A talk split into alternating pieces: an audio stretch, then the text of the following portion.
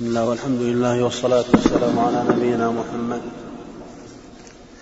قال الإمام مسلم رحمه الله تعالى كتاب المساقات والمزارعة حدثنا أحمد بن حنبل وزهير بن حرب واللفظ لزهير. قال حدثنا يحيى وهو ابن قطان وهو القطان. عن عبيد الله قال أخبرني نافع عن ابن عمر رضي الله عنهما أن رسول الله صلى الله عليه وسلم عامل أهل خيبر بشطر ما يخرج منها من ثمر أو زرع. وحدثني علي بن حجر السعدي قال حدثنا علي وهو ابن مسهر قال أخبرنا عبيد الله عن نافع عن ابن عمر رضي الله عنهما قال أعطى رسول الله صلى الله عليه وسلم خيبر بشطر ما يخرج من ثمر أو زرع فكان يعطي أزواجه كل سنة مئة وسق مئة وسق ثمانين وسقا. من تمر وعشرين وسقا من شعير فلما ولي عمر قسم خيبر فلما ولي عمر قسم خيبر خير أزواج النبي صلى الله عليه وسلم. فلما ولي عمر قسم خيبر نعم. فلما ولي عمر قسم خيبر نعم. فلما ولي عمر قسم خيبر خير أزواج النبي صلى الله عليه وسلم. أن يقطع لهن الأرض والماء أو يضمن لهن الأوساق كل عام فاختلفن فمنهن من اختار الأرض والماء ومنهم ومنهن من اختار الأوساق ومنهن من اختار الأوساق كل عام. فكانت عائشة وحفصة مما اختارت ممن اختارت الأرض والماء. بسم الله الرحمن الرحيم. الحمد لله رب العالمين والصلاة والسلام على نبينا محمد وعلى آله وصحبه أما بعد هذه الحديث فيها مشروعية المساقات والمزارعات. خلافا لمن أنكرها من أهل العلم كأبي حنيفة وغيره وجماعة. فهذه الأحاديث تدل على مشروعية المساقات والمزارعة وأنه ليس خاصا بالنبي صلى الله عليه وسلم. والمساقات تكون على النخل والمزارعة تكون على ما يخرج من الأرض. والصواب أنه أن المساقات والمزارعة كل منهما مشروع على حدة. يجوز المساقات على النخل والمزارعة على الأرض. قال بعض العلماء إن الأصل المساقات والمزارعة تبع فلا تجوز المزارعة مستقلة والصواب أن المزارعة تجوز مستقلة كما سبق في الأحاديث حديث جابر حديث رافع بن خديج. أنه قال لا بأس بكراء الأرض بالذهب والفضة أو بجزء معلوم. فالمساقات على الشجر على النخل جائزة والمزارعة على الأرض جائزة مجتمعين ومنفردين. مساقة يجوز المساقات على حدة والمزارعة على حدة إذا كان عنده نخل وأرض ساقاه على الأرض. وزارعه على الأرض. ساقاه على النخل وزرعه على الأرض. وإذا كان عنده نخل فقط ساقاه على النخل. وإذا كان ما عنده الأرض زارعه على الأرض.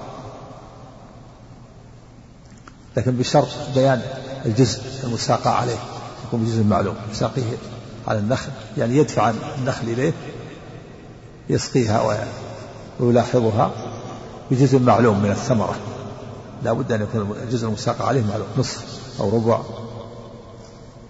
أو ثلث أو بالأجرة يعطيه أجرة ويكون عاملا له وما يأخذ الثمرة كلها. وإذا كان فيها أرض دفع الأرض إليه أيضا. يعمل فيها بجزء مما يخرج منها الربع أو الثمن أو بالدراهم بالذهب والفضة. وإذا كان عنده أرض وليس عنده نخل كذلك له أن يدفع إليه. ولا يشترط أن يكون البذر على من رب رب الأرض على الصحيح بل يجوز أن يكون من العامل. كما في حديث ابن عمر النبي صلى الله عليه وسلم دفع نخل خيبر إلى يهودي خيبر على أن يعتبروها من أموالهم إلا على أن البذر قد يكون من رب المال وقد يكون من رب الأرض. ذكر ابن القيم أن رحمه الله أن أن اليهود هم الذين يدفعون البذر من عند أنفسهم لأنه بمثابة السقي والماء يذهب في الأرض بخلاف ما الشيء الباقي. مثل حفر البئر ومثل المواطير والمكان اللي يستخرج بها الماء مثل الجدار التي الذي يكون على الحائط هذا لا يكون على رب الأرض. لا يؤمن حفر الآبار والآلات التي يستخرج بها الماء والحائط يحفظ الحائط. أما رب الأرض فهو شيء أما البذر فهو شيء ذاهب يذهب يذهب مع الماء. ويكون تابع للعامل. فلا بأس أن يكون من العامل أو يكون من رب الأرض. اختلف العلماء في المساقات هل هي عقد جائز أو عقد لازم. فالجمهور على أنها عقد لازم. ولا بد أن تحدد المدة. ذهب الظاهرية والجماعة إلى أنها عقد جائز. واستدلوا بقول النبي صلى الله عليه وسلم نقركم على ذلك ما شئنا. ثم أجلاهم ثم لأنه كان عازما على إخراجهم ولم يخرجهم عليه الصلاة والسلام انشغال بالجهاد والدعوة ثم في خلافة أبي بكر لم لم يجلهم لأنه مع مدة قصيرة وانشغل بحرب المرتدين ثم لما كان في خلافة عمر أجلاهم إلى تيمة وأريحية. وأريحاء تيمة تابع على أطراف المملكة. قالوا النووي إنها ليست من جزيرة العرب أو إنها من جزيرة العرب وإنما المراد أن يخرجهم من أرض الحجاز لكن هذا ليس بجيد. على أقرب أن تيمة تابعة للشام. أو أنها من أطراف الجزيرة ولكنه أجلاهم إليها لسبب. وفي دليل على أن خيبر فتحت عنوة لأن عمر لأن النبي صلى الله عليه وسلم جعلهم يعملون فيها. ولأنها ولهذا فإن النبي صلى الله عليه وسلم كان يعطي أزواجه من من أوساق التمر مئة وسق ثمانين, وسقا من التمر وعشرين وسقا من الشعير. والوسق ستون صاعا وهي تعادل ستة آلاف صاع. أربعة آلاف ثمانين من التمر ومئة وعشرين من من الشعير وهي شيء كثير ولكن تأتي عليه النفقات فلعلهن يتصدقن ويبعن منه. ثم لما ولي عمر قصف خيبر خير زوج النبي صلى الله عليه وسلم. هل خيرهن بين أن يعطيهن الأرض والماء؟ يقسم لهن أو يضمن لهن الأوساق كل سنة. الأوساق التي يعطيها النبي صلى الله عليه وسلم.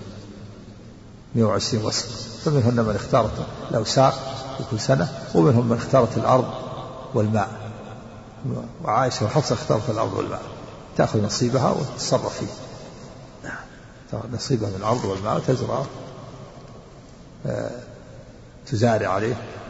ومنهن من اختارت يضمن لها الأوساق من التمر الذي كان يعطيها النبي صلى الله عليه وسلم. نعم. نعم. فلما ولي عمر قسم ولا قسم؟ ولما ولي لما ولي عمر قسم خيبر. نعم. خيرها ما استقيم لما ولي عمر قسم خيبر خير خيرهن. نعم. نعم.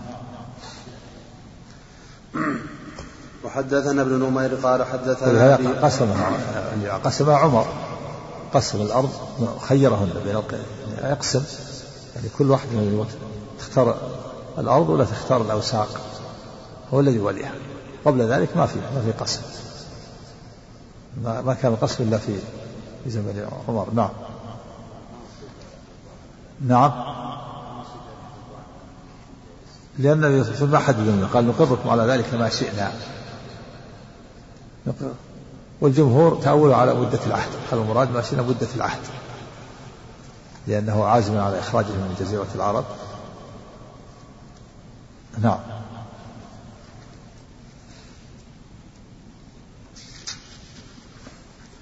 وحدثنا ابن نمير قال حدثنا قال حدثنا أبي قال حدثنا عبيد الله قال حدثني نافع عن عن عبد الله بن عمر رضي الله عنهما أن رسول الله صلى الله عليه وسلم عامل عامل أهل خيبر بشطر ما خرج منها من زرع أو ثمر واختص الحديث بنحو حديث علي بن مسهر نعم ولم الشطر الشطر هو النصف.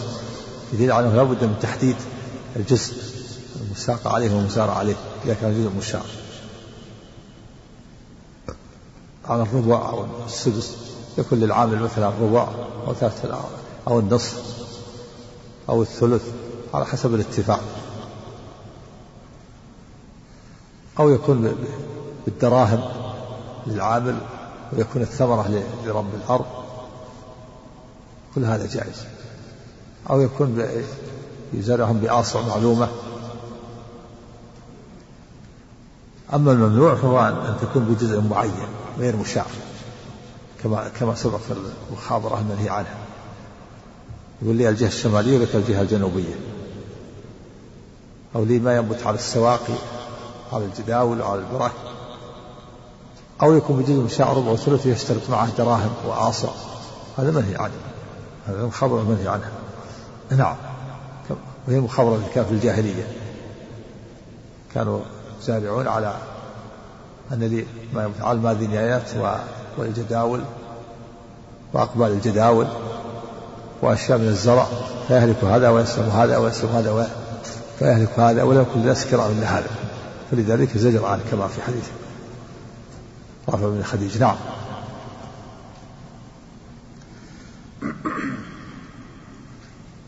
عامل أهل خيبر بشطر ما خرج منها من زرع أو ثمر واختص الحديث بنحو حديث علي بن مسير ولم يذكر فكانت عائشة وحفصة ممن اختارت الأرض والماء وقال خبر وقال خير أزواج النبي صلى الله عليه وسلم أن يقطع لهن الأرض ولم يذكر الماء. وحدثني أبو الطاهر قال حدثنا عبد الله بن وهب قال أخبرني أسامة بن زيد الليثي عن نافع عن عبد الله وهذا يدل على أن خيبر فتحت عنوة. ولهذا قسمها تقسم مفتوح عنوة ويقسم على الغانمين ومن قال فتحت صلحا من العلماء قال بعضها فتحت صلحا وبعضها فتحت عنوة. وبعضها جلى عنها أهلها.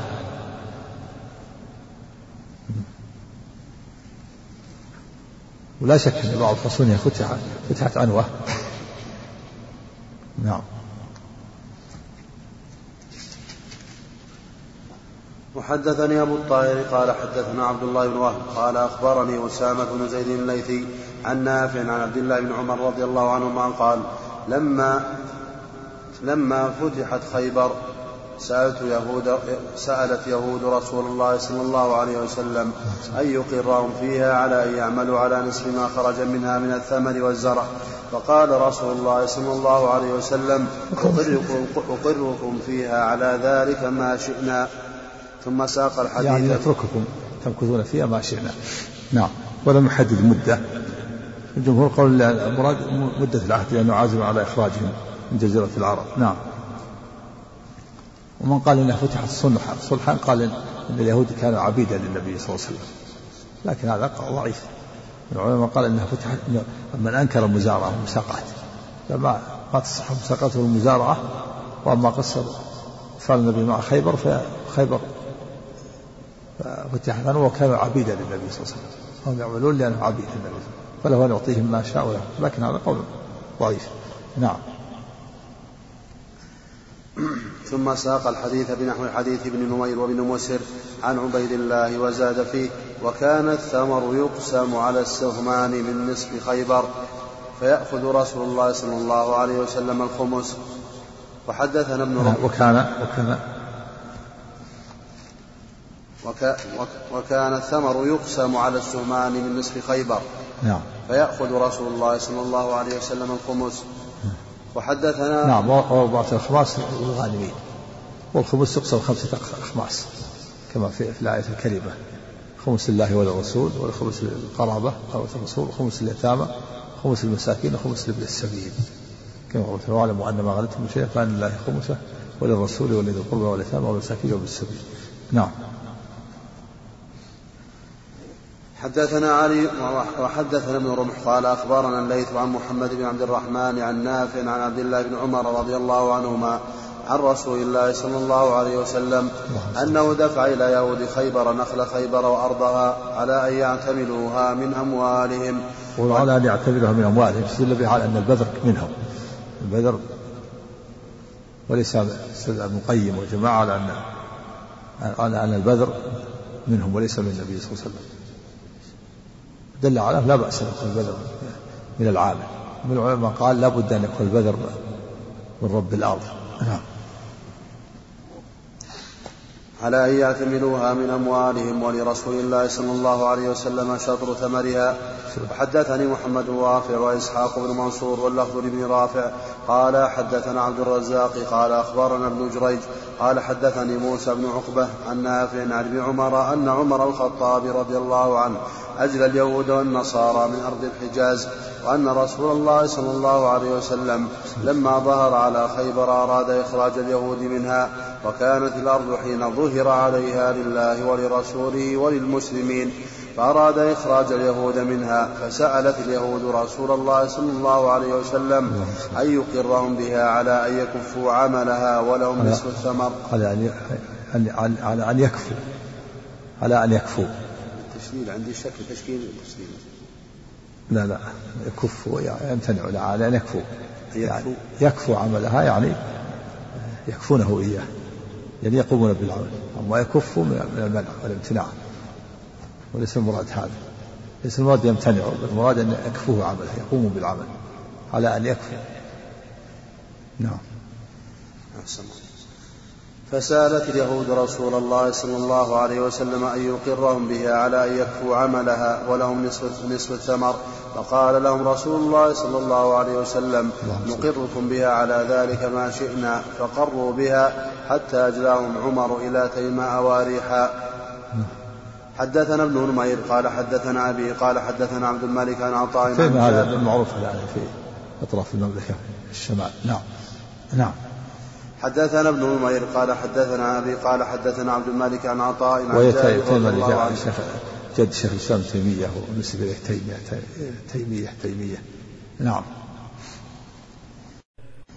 حدثنا ابن ابن نمير قال حدثنا أبي قال حدثنا عبد الملك عن عطاء عن جابر رضي الله عنهما قال قال رسول الله صلى الله عليه وسلم ما من مسلم يغرس غرسا إلا كان ما أكل منه له صدقة وما سرق منه له صدقة وما أكل السبع منه فهو له صدقة وما اكلت الطير فهو له صدقة ولا ولا يرزأه أحد إلا كان له صدقة. يعني ينقص هذا في فضل الزرع وأن من غرس غرس زرع زرعا كان له أجر في كل ما أخذ منه سواء كان من باختياره أو بدون اختياره. فما أكل منه الضيف باختياره والفقير إذا تصدق عليه له أجر وما سرقه السارق أيضا له فيه أجر. وما أكل منه الطير والدواب ولا يرزقه يعني لا ينقصه شيء أحد إلا كان له أجر. هذا في فضل الغرس والزرع. من غرس من غرس غرسا قال رسول الله صلى الله عليه وسلم. ظاهره انه أنه ولو باعه ظاهره أنه ولو باعه يبقى له الأجر. نعم. إذا احتسب نعم. هذا إذا كان مسلم شرط أن يكون مسلم. إذا كان مسلم نعم. أما وإذا احتسب صار له أجر الاحتساب أيضا. إذا احتسب صار له أجر الاحتساب. مثل المنفق النفقة على أهله. له أجر وإذا احتسب صار له أجر آخر. احتساب نعم. قال رسول الله صلى الله عليه وسلم ما من مسلم يغرس غرسا إلا كان ما أكل منه له صدقة وما سرق منه له صدقة وما أكل السبع منه فهو له صدقة وما أكلت الطير فهو له صدقة ولا يرزقه أحد إلا كان له صدقة. ولا يرزقه لا ينقصه. مطلقة هذه عام باختياره وبغير اختياره فالذي يرزقه باختياره كالضيوف آه، وفقراء الذين يعطيهم له أجر. وما يكون بغير اختياره مثل السرقة سرقة السارق وأكل الطير وأكل السباع كله يؤجر يؤجر. نعم. حدثنا قتيبة بن سعيد قال حدثنا ليث حاء وحدثنا محمد رمح قال أخبرنا الليث عن أبي الزبير عن جابر رضي الله عنهما أن النبي صلى الله عليه وسلم دخل على أم على أم مبشر الأنصارية في نخل لها فقال لها النبي صلى الله عليه وسلم من غرس هذا النخل أمسلم أم كافر؟ فقالت بل مسلم. فقال لا يغرس مسلم غرسا ولا يزرع زرعا فيأكل منه إنسان ولا دابة ولا شيء إلا كانت له صدقة. نعم هذا هذا دليل على الشرط أن يكون مسلم وإذا قال مسلم وكافر وأما الاحتساب هذا هذا زيادة جاء الاحتساب صار فيه أجر الاحتساب. نعم.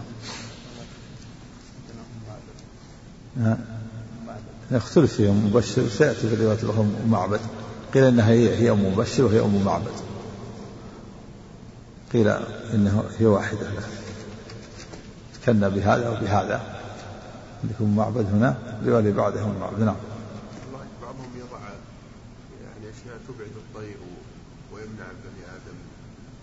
إيه ولو ولو يرسل له أجر ولو أخذ. إذا أخذ شيء ولو ولو جعلها حواجز الطير يأتي من فوق ما يأتي حواجز.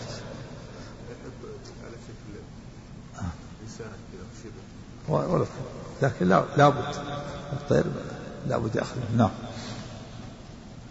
وحدثني محمد بن حاتم وابن أبي خلف قال حدثنا روح قال حدثنا ابن جريج قال أخبرني أبو الزبير أنه سمع جابر بن عبد الله رضي الله عنهما يقول سمعت رسول الله صلى الله عليه وسلم يقول لا يغرس رجل مسلم غرسا ولا زرعا فيأكل منه سبع أو طائر أو طائر أو شيء إلا كان له فيه أجر. وقال ابن أبي خلف طائر شيء. نعم. هكذا أحسن عليك نعم. طائر شيء؟ بعد كم؟ طائر شيء؟ انتهى حدث. لا الحديث اللي قبل الرواية اللي قبله. طائر أو شيء يعني هو حذف أو الرواية الثانية. طائر شيء. أو طائر أو شيء. إيش اللي قبله؟ إلا كان له فيه أجر قال ابن أبي خلف طائر شيء. طيب طائر شيء إلا كان له فيه أجر. بس شيء بدل من طير. الرواية الثانية إلا طائر شيء إلا كان له أجر. نعم. يعني يعم كل شيء. لكن اجعل اجعلها شيء أعم نعم. عام لا شك أنه عام نعم. حدثنا أحمد بن سعيد بن إبراهيم قال حدثنا روح بن, روح بن عبادة قال قال حدثنا زكريا بن إسحاق قال أخبرني عمرو بن دينار أنه سمع جابر بن عبد الله رضي الله عنهما يقول دخل النبي صلى الله عليه وسلم على أم معبد حائطا فقال يا أم معبد من غرس هذا النخل أمسلم أم كافر؟ قالت بل مسلم. قال فلا يغرس المسلم غرسا فيأكل منه إنسان ولا دابة ولا طير إلا كان له صدقة إلى يوم القيامة. نعم ولم يقل محتسب. يسأل عنه مسلم أو كافر. دل على أن الاحتساب ليس بشرط. الاحتساب زيادة أجر. احتسب وأراد أن ينفع المسلمين. ويغنيهم عن عن غيرهم وعن الحاجة إلى أعدائهم. لكن هذا هذه نية صالحة. نعم. نعم. وحدثنا أبو بكر بن أبي شيبة قال حدثنا حفص بن غياث حاء وحدثنا أبو كريب وإسحاق بن إبراهيم. جميعا عن أبي معاوية حاء وحدثنا عمرو الناقد قال حدثنا عمار بن محمد. حاء وحدثنا أبو بكر بن أبي شيبة قال حدثنا ابن فضيل.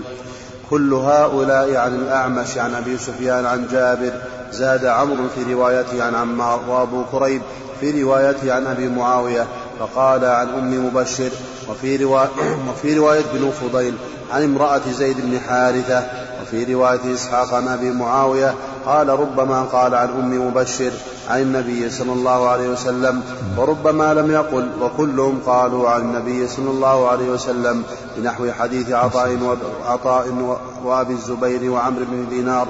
نعم ولقب أنها واحدة هي تكلم مبشر أم معبد نعم.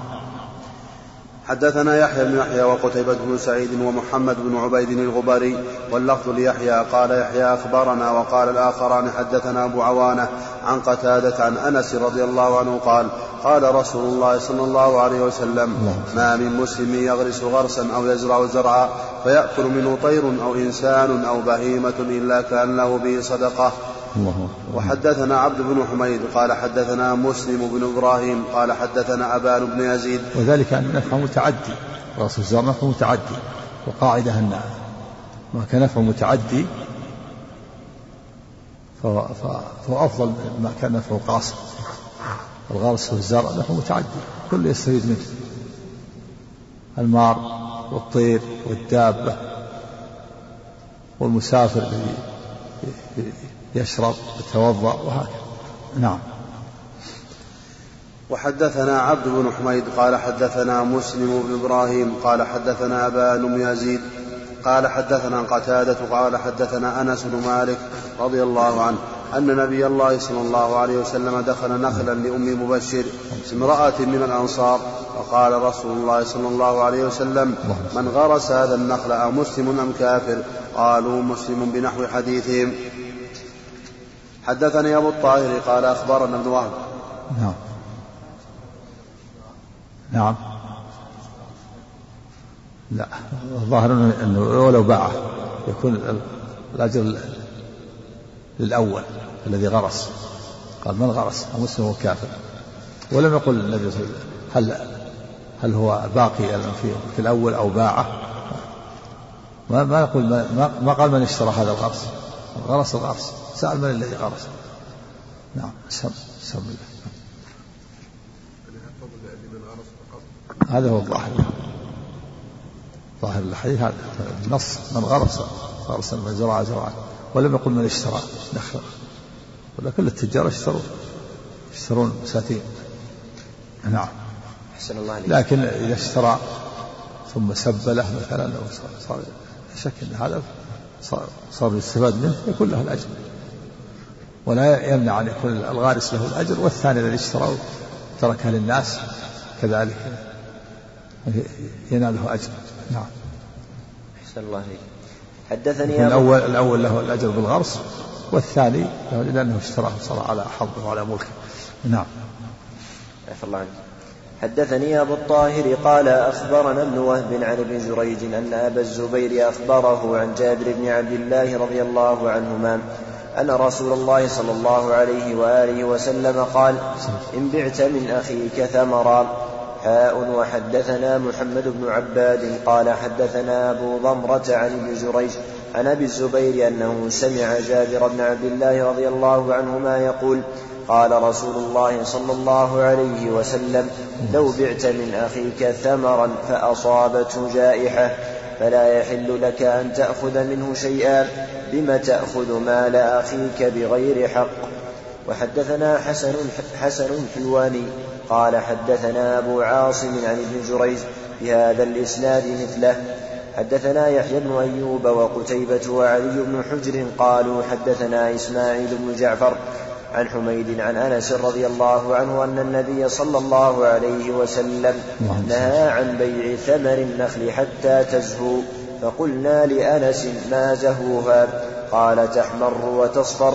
أرأيتك إن منع الله الثمرة بما بما تستحل مال أخيك؟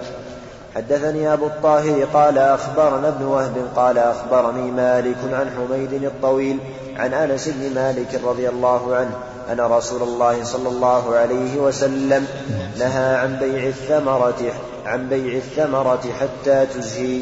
قالوا وما تزهي؟ قال تحمر. وقال حتى تزهى. نعم. أن رسول الله صلى الله عليه وسلم نهى عن بيع الثمرة حتى تزهى. هذه الألفاظ التي جاءت على المبني المجهول وإن كانت مبني المعلوم. تزهى يهرعون. تنتج. نعم. أحسن الله عليك أن رسول الله صلى الله عليه وسلم نهى عن بيع الثمرة حتى حتى تزهى. قالوا وما تزهى؟ قال تحمر وقال إذا منع الله الثمرة بم تستحل مال أخيك.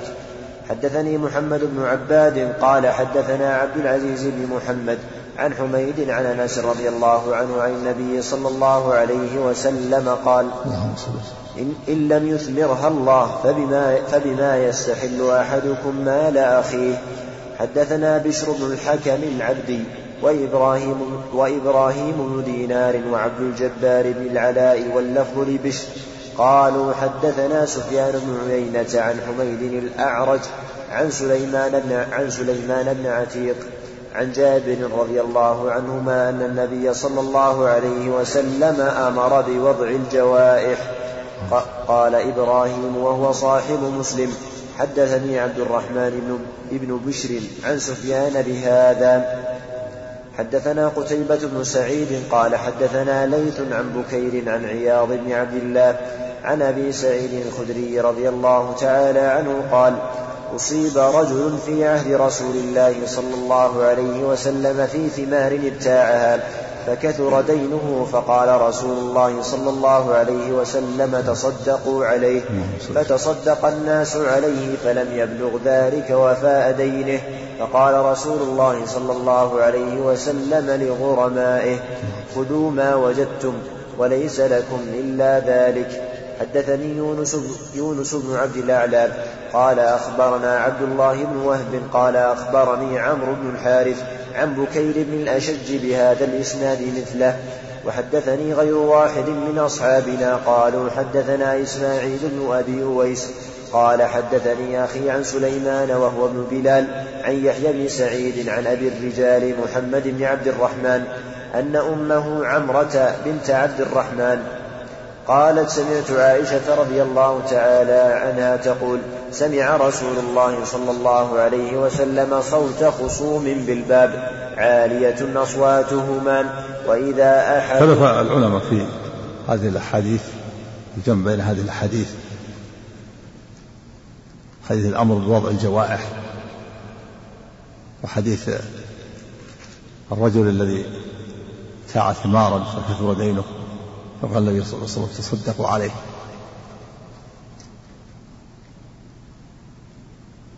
وحديث إن منع الله الثمرة بما تأخذ مال أخيك بغير حق اختلف العلماء في وضع الجوائح. فإذا باع إذا اشترى شخص ثمارا ثم أصابته جائحة. مطر أو جراد أو شيء. فذهبت الثمرة. تكون هل تكون من ضمان المشتري أو من ضمان البائع؟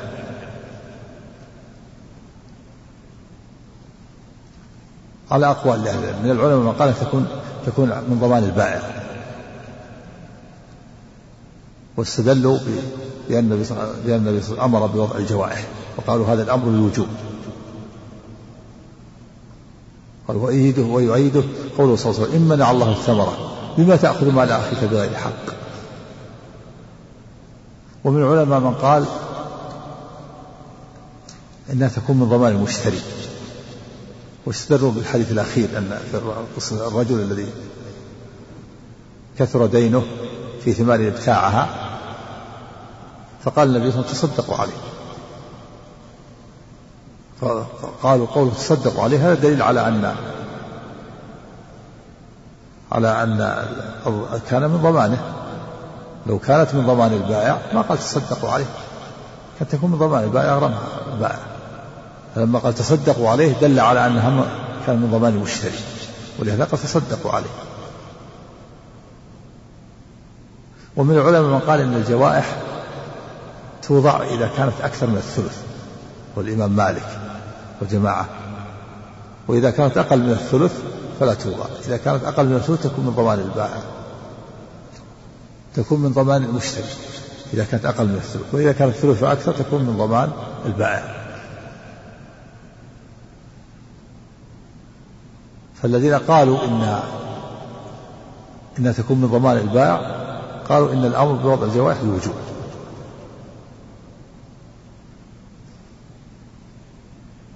قال ويؤيده أن قول النبي صلى الله عليه وسلم أرأيت إن منع الله الثمرة بما تأخذ بعد أخيك بغير يعني تأخذ بغير مقابل. ولأن الثمرة وإن كانت بدا صلاحها فإنها في في يد البائع يسقيها ويتعاهدها. فهي من ضمانه. حتى تنتهي حتى يأخذها المشتري وإصرارها وأما وأجابوا عن حديث الرجل الذي أصيب في ثمار ابتاعه فكثر دينه قال تصدق عليه قالوا إن هذا محمول على أن على أن المشتري فرط وتركها حتى تركها بعد الجذاب تأخر عن الناس حتى صارت جائعة أو أنه فرط فلذلك صارت من ضمانه. والبائع ما هو ملزم بمن يتأخر يترك الثمرة حتى بعد ما ينتهي الناس بعد الجذاب ما هو ملزم بمن يتساهل ويفرط ويترك الثمرة. فلهذا صارت من من ضمانه ولهذا قال تصدقوا عليه.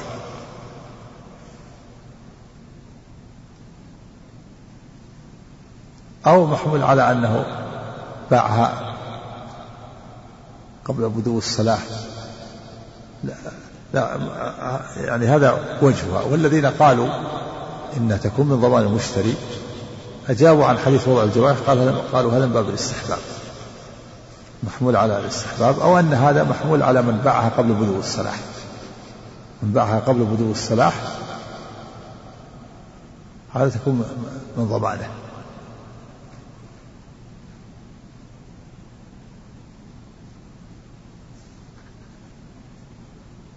والأقرب القول الأول الأقرب أنها تكون من ضمان البائع.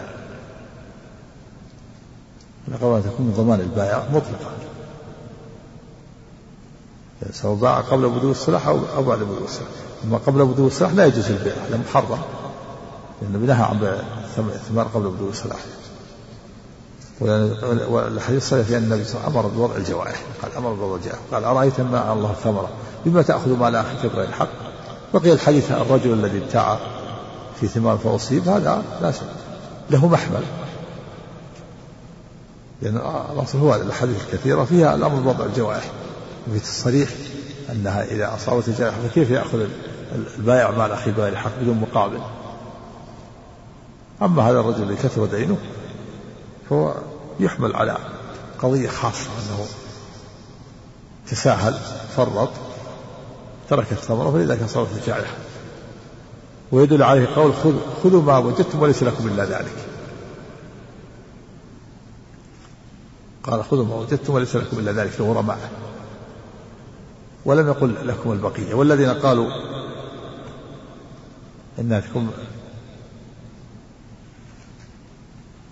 من ضمانه قالوا إنه إنه المعنى خذوا ما وجدتم يعني الآن. والباقي يبقى في ذمته لأنه معسر وليس لكم مطالبته الآن في حال الإعشار ثم وجدتم الآن وليس لكم إلا ذلك ليس لكم مطالبته لأنه لا يستطيع معسر. وما بقي يبقى في ذمته. نعم. أحسن الله عليك قول الثالث على أنه إذا كان أكثر من ثلث فهو اي معك إيه؟ إذا كان أكثر من الثلث يكون من ضمان البائع وإذا كان أقل من الثلث يكون من ضمان المشتري نعم. أحسن الله عليك وحدثني غير واحد من أصحابنا. قالوا حدثنا إسماعيل بن أبي أويس قال حدثني أخي عن سليمان وهو ابن بلال عن يحيى بن سعيد عن أبي عن أبي عن أبي عن أبي الرجال. عن أبي الرجال نعم. عن, عن أبي الرجال محمد بن عبد الرحمن. شدد الراء لا الرجال معروف. قالوا أبو الرجال نعم. عفى الله عنك. عن أبي الرجال محمد بن عبد الرحمن أن أمه عمرة بنت عبد الرحمن قالت سمعت عائشة رضي الله عنها تقول سمع رسول الله صلى الله عليه وسلم صوت خصوم بالباب عالية أصواتهما وإذا أحدهما يستوضع الآخر. أصوات سمع أصوات إيش؟ أحسن سمع. رسول الله صلى الله عليه وسلم صوت خصوم بالباب عالية أصواتهما. عالية عالية بالجر. على على أنها نعت. أصوات. ويصلح عالية على المحال. الخصوم والخصوم وإن كانت نكرة إلا تخصصت بالباب. أصوات خصوم بالباب. فلما تخصصت جاء الحال منها. والحال يكون صاحب الحال يكون معرفة لكن يكون لك يكون صاحب الحال نكرة قليل على قلة. لكن تخصص الخصوم وكانت لك تخصص بالباب. ويجوز أن تكون عالية بالجر نعت أصوات خصوم عالية بالباب. وأفصح تكون عالية على الحال. نعم. أحسن الله عليك سمع رسول الله صلى الله عليه وسلم صوت خصوم بالباب عالية أصواتهما وإذا أحدهما يستودع الآخر ويسترفقه ويسترفقه في شيء وهو يقول والله لا أفعل فخرج رسول الله صلى الله عليه وسلم عليهما فقال أين المتألي على الله لا يفعل المعروف؟ قال أنا يا رسول الله فله أي ذلك أحب؟ حدثني حرملة بن يحيى قال أخبرنا عبد الله بن وهب قال أخبرني يونس عن ابن شهاب قال حدثني عبد الله بن كعب بن مالك قال أخبره, أخبر قال أخبره عن أبيه أنه تقاضى ابن أنه تقاضى ابن أبي حدرد دينا كان له عليه في عهد رسول الله صلى الله عليه وسلم في المسجد. فارتفعت أصواتهما حتى سمعها رسول الله صلى الله عليه وسلم وهو في بيته. فخرج إليهما رسول الله صلى الله عليه وسلم حتى كشف سجف حجرته. ونادى كعب بن مالك فقال يا كعب فقال لبيك يا رسول الله فأشار إليه بيده أنضع, الشطر من دينك قال كعب قد فعلت يا رسول الله. قال رسول الله صلى الله عليه وسلم قم فاقضه. هذا في دليل على أنه لا بأس من المقاضاة في المسجد. الإنسان يطلب حقه في المسجد. وفيه أنه لا ينبغي الإنسان أن يتألى يحلف على فعل الخير. وفيه على أن من سمع من يحلف على عدم فعل الخير ينصحه وينهاه عن كون يحلف لا يفعل الخير ولهذا قال النبي أين متألي على أن لا يفعل الخير؟ وفي دليل على أن من حلف أن لا يفعل الخير لا يستمر على حلفه ولا يلج في يمينه بل يكفر عن يمينه ويفعل الخير. كما في الحديث الآخر النبي صلى الله عليه وسلم قال إني والله إن شاء الله لا أحلف على يمين فأرى غير خيرا منها إلا فعلت الذي هو خير وكفرت عن يميني وفي لفظ إلا تحل إلا فعلت الذي هو خير وتحللتها. وهي أن من رأى من يحلف على أن أنصح يقول ولهذا قال أين متعلج على الخير؟ وفي أنه لا بأس بالقضاء تقاضي الدين في المسجد. وفيه الصلح بين المتخاصمين. وفيه العمل بالإشارة. لأن النبي صلى الله عليه وسلم كشف كشف سجف الحجرة فنادى يا كعب. قال لبيك فأشار إليه قال الشطر ضع الشطر بأصبع هكذا النصف قال قد فعلت. قال قم فاقضي حقه العمل بإشارة. أشار إليه. يعني ضع من دينك النصف وفيه أن من؟ المدين إذا وضع عنه بعض الدين عليه أن يبادر. عليه يبادر ويسدد الدين في الحال.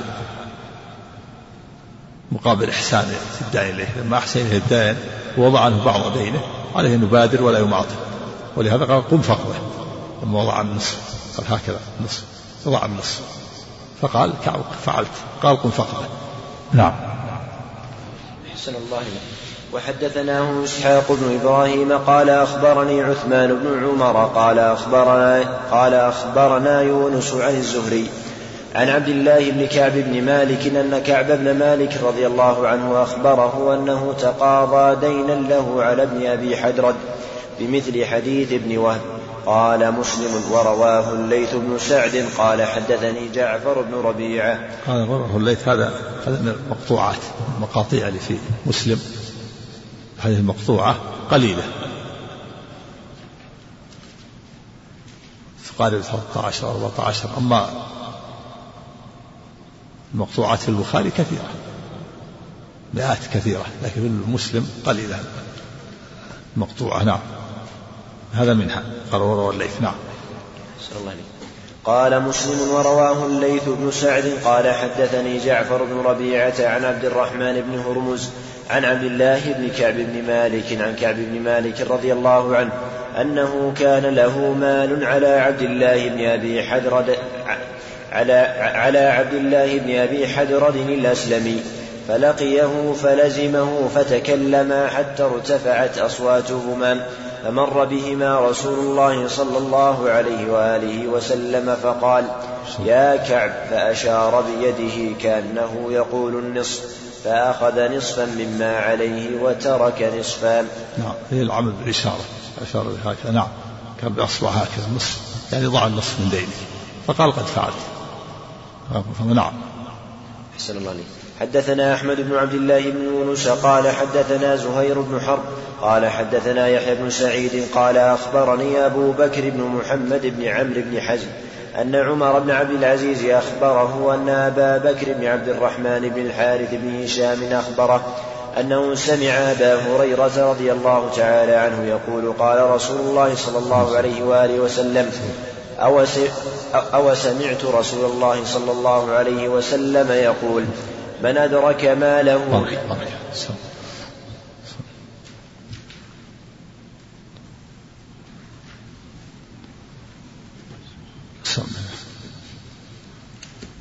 نهي الرسول عن اتخاذ الضيعة نعم.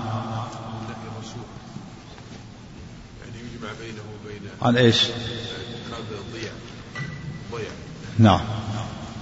يجمع بينه وبين لا لا تتخذوا الضيعة وش آخر آخر الحديث؟ فإنها في بيان في آخر الحديث.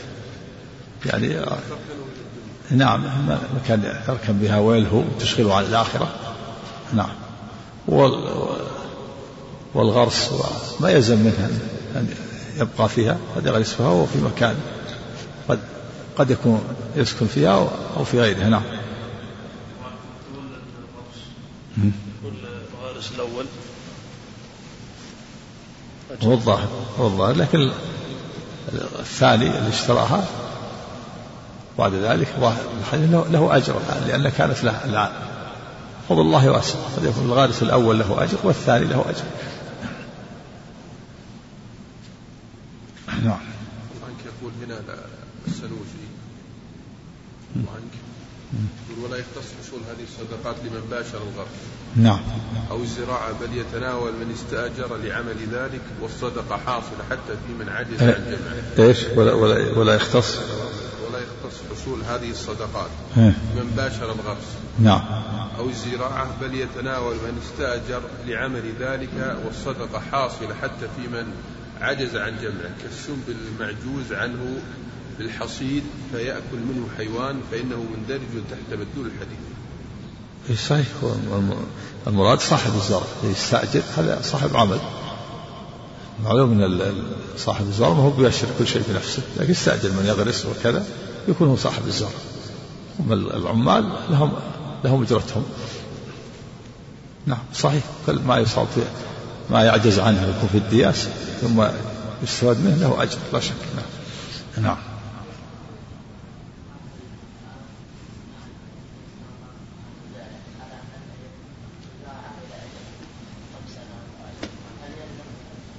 نعم الجمهور يلزم إذا حدد المدة يلزم يصير عقد لازم ما دام حدد إذا سقاه أو زرعه خمس سنوات ست سنوات لزم.